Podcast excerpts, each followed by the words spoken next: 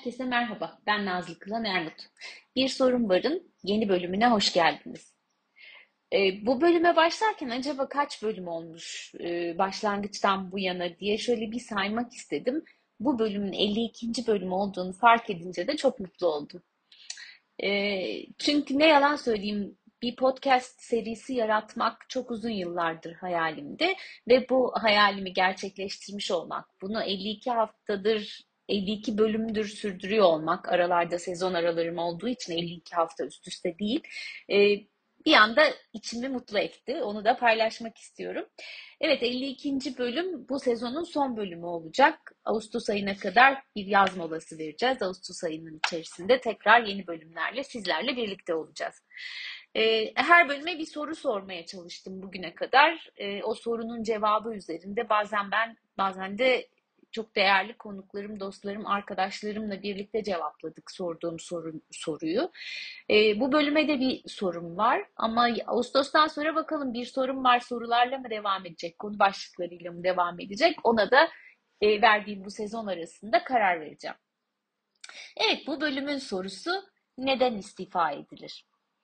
Ee, önemli bir soru çünkü altı çok farklı gerekçelerle doldurulabilecek e, bir soru ama asıl bugün birazcık e, üzerinde hep birlikte düşünelim istediğim konu e, pandemi sürecinde özellikle Amerika'da başlayıp sonra Avrupa'da çok yaygınlaşan yavaş yavaş bizim ülkede de seslerini duyduğumuz o büyük istifa dalgasının altında yatan ne var?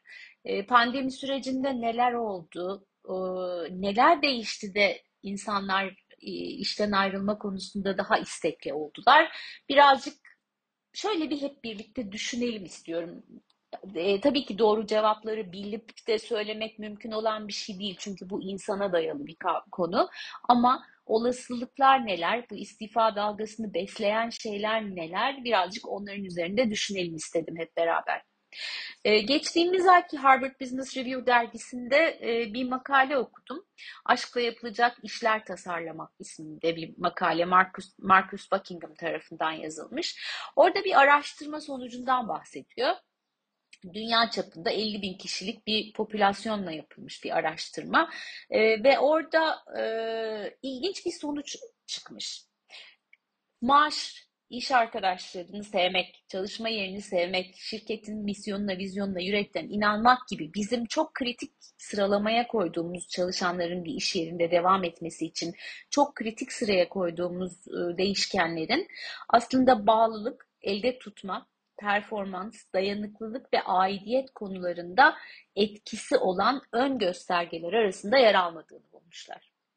Ee, çok enteresan geldi. Çünkü burada maaşın çok ön sırada olmadığını biliyorduk. Yaşamsal değerleri sürdürme konusunda bir maaş sıkıntısı ya da bir geçim sıkıntısı yoksa maaş en ön planda durmuyor çok konuşuyorduk ama iş arkadaşlarını ve çalışma yerini sevmenin, e, misyona, vizyona yürekten inanmanın en yukarılarda olduğunu çok sıklıkla dile getiriyorduk. E, bu araştırma daha farklı bir takım sonuçlarla gelmiş ve e, üç tane belirleyici madde çıkmış bu çalışmanın sonunda. Bir tanesi işe her gün hevesle gelmek. Bir diğeri güçlü yanları yaptığı işte ve iş yerinde kullanma şansının, fırsatının verilmesi. Bir diğeri de e, sevdiği şeyleri ve iyi olduğu şeyleri işinde yapma fırsatının ona sunulması veya kendi başına o fırsatı yaratması çalışanların. Şimdi buradan bakıldığında içlerinden e, bir tanesini seçmek bir yandan da bana iyi hissettirdi bu üçlünün. işe her gün hevesle gelmek e, konusu. E, istifalarla bunları böyle bağlı baktığımızda eminim hepinizin kafasında da bir takım şeyler belirdi. E, İşten niye ayrılıyoruz, ayrılıyoruzdur? Ee, ya daha bildiklerimizi sayalım ya, ya daha iyi bir maaş önerilmiştir bir yerden ya bir farklı pozisyona geçiyoruzdur ya o kadar o kadar sıkılmışızdır ki yaptığımız şeylerden bırakıp gidesimiz vardır. Bağlayan bir şey de yoksa orada kalmayı zorlayan zorlayan bir şey yoksa da bırakıp gideriz.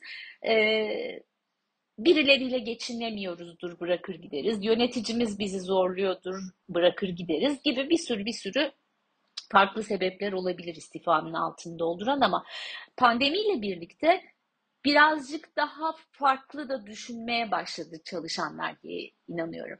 Biraz daha kendi odaklarında durup kendi istedikleriyle iş yaşamının ya da çalıştıkları yerin onlara sunduklarını önlerine koyma fırsatı buldular. Ve bunların ikisinin birbiriyle ne kadar örtüştüğüne baktılar. Bunlar iyi örtüşüyorsa o heves konusu gerçekten kendiliğinden ortaya çıkıyor diye düşünüyorum.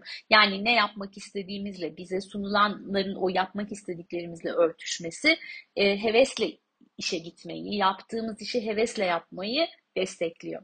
Beraberinde güçlü yanlar kavramı çok kıymetli hale geldi diye düşünüyorum.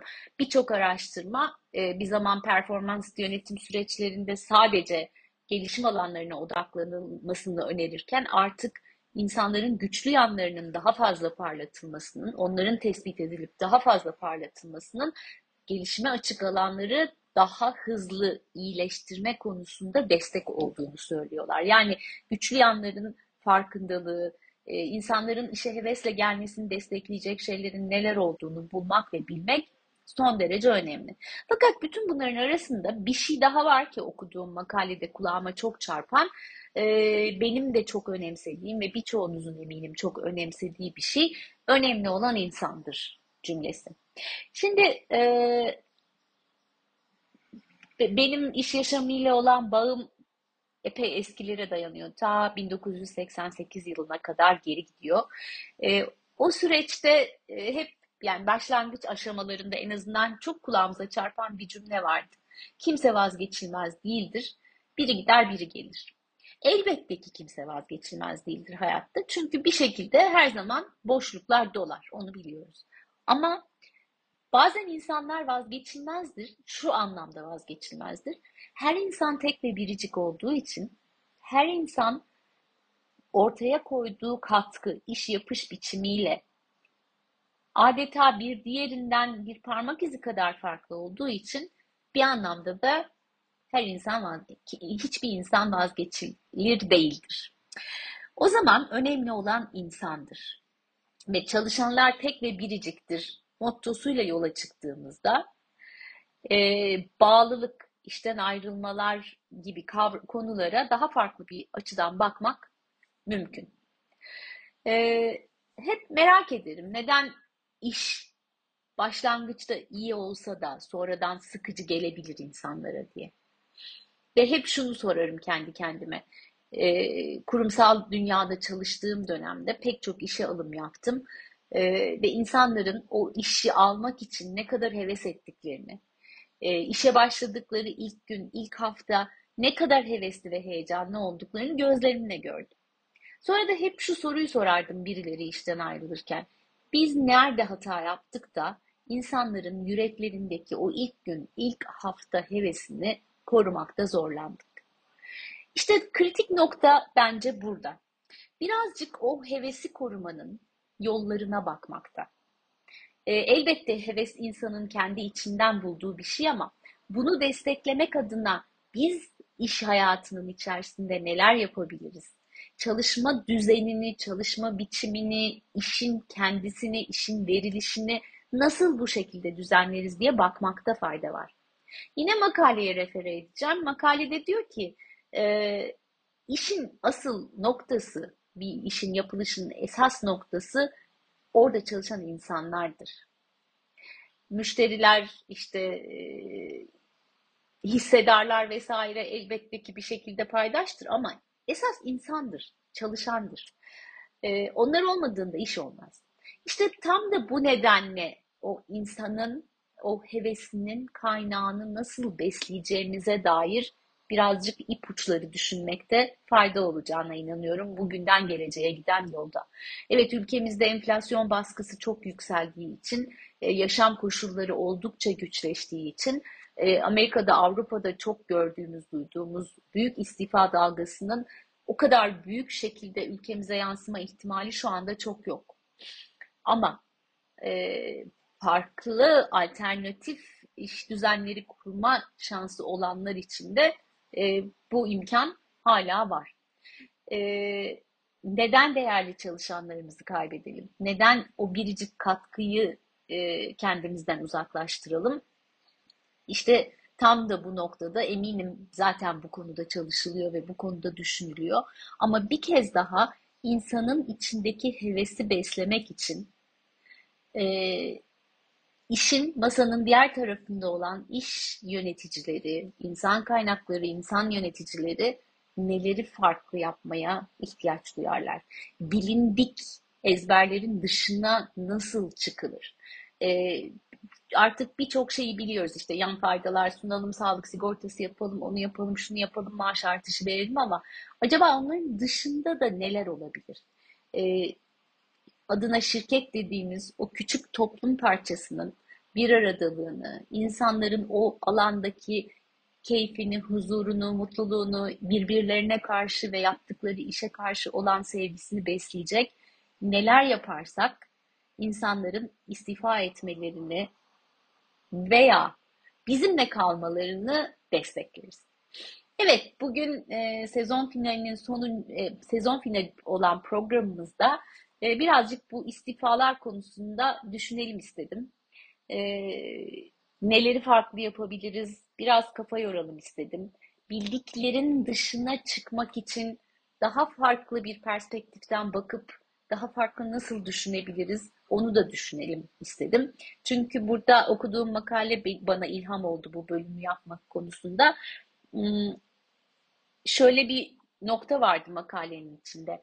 Ee, insanların sevdiği aktiviteyi yaparken zihni açılır, verimleri artar, ilişkileri güçlenir, dayanıklılıkları yükselir diye. O zaman o sevdiği aktiviteyi yapması konusunda biz nasıl yardımcı oluruz? Ee, insanların yaptıkları işte, çalıştıkları yerde sevdikleri şeyleri bulmalarını desteklemek için biz neler yapabiliriz? Belki e, bu bölümün neden istifa edilir sorusuna yeni bir soruyla yeni bir bakış getirebilir diye düşünüyorum. Evet, e, bu programımızın da yavaş yavaş sonuna geldik. İş hayatının çok önemli olan mottolarından birini e, bir kez daha dile getirme fırsatı sağladı bu soruyu soruyor olmak. O da iş yaşamında önemli olan insandır mottosu. Evet, umuyorum herkes için düşündürücü bir bölüm olmuştur. Ağustos ayında yeni bölümlerle yeniden sizlerle birlikte olmayı diliyorum gönülden. Ee, bu arada bu bölümlerle ilgili konuk, konu fikirleriniz olursa lütfen benimle sosyal medya hesaplarım üzerinden veya blogumdaki e, bağlantılar üzerinden haberleşin. Çok da sevinirim sizlerden bu konuda fikir almaktan dolayı. E, o zamana kadar herkese keyifli bir e, Haziran'ın kalanı ve Temmuz ayı diliyorum. Tekrar buluşmak üzere, hoşçakalın.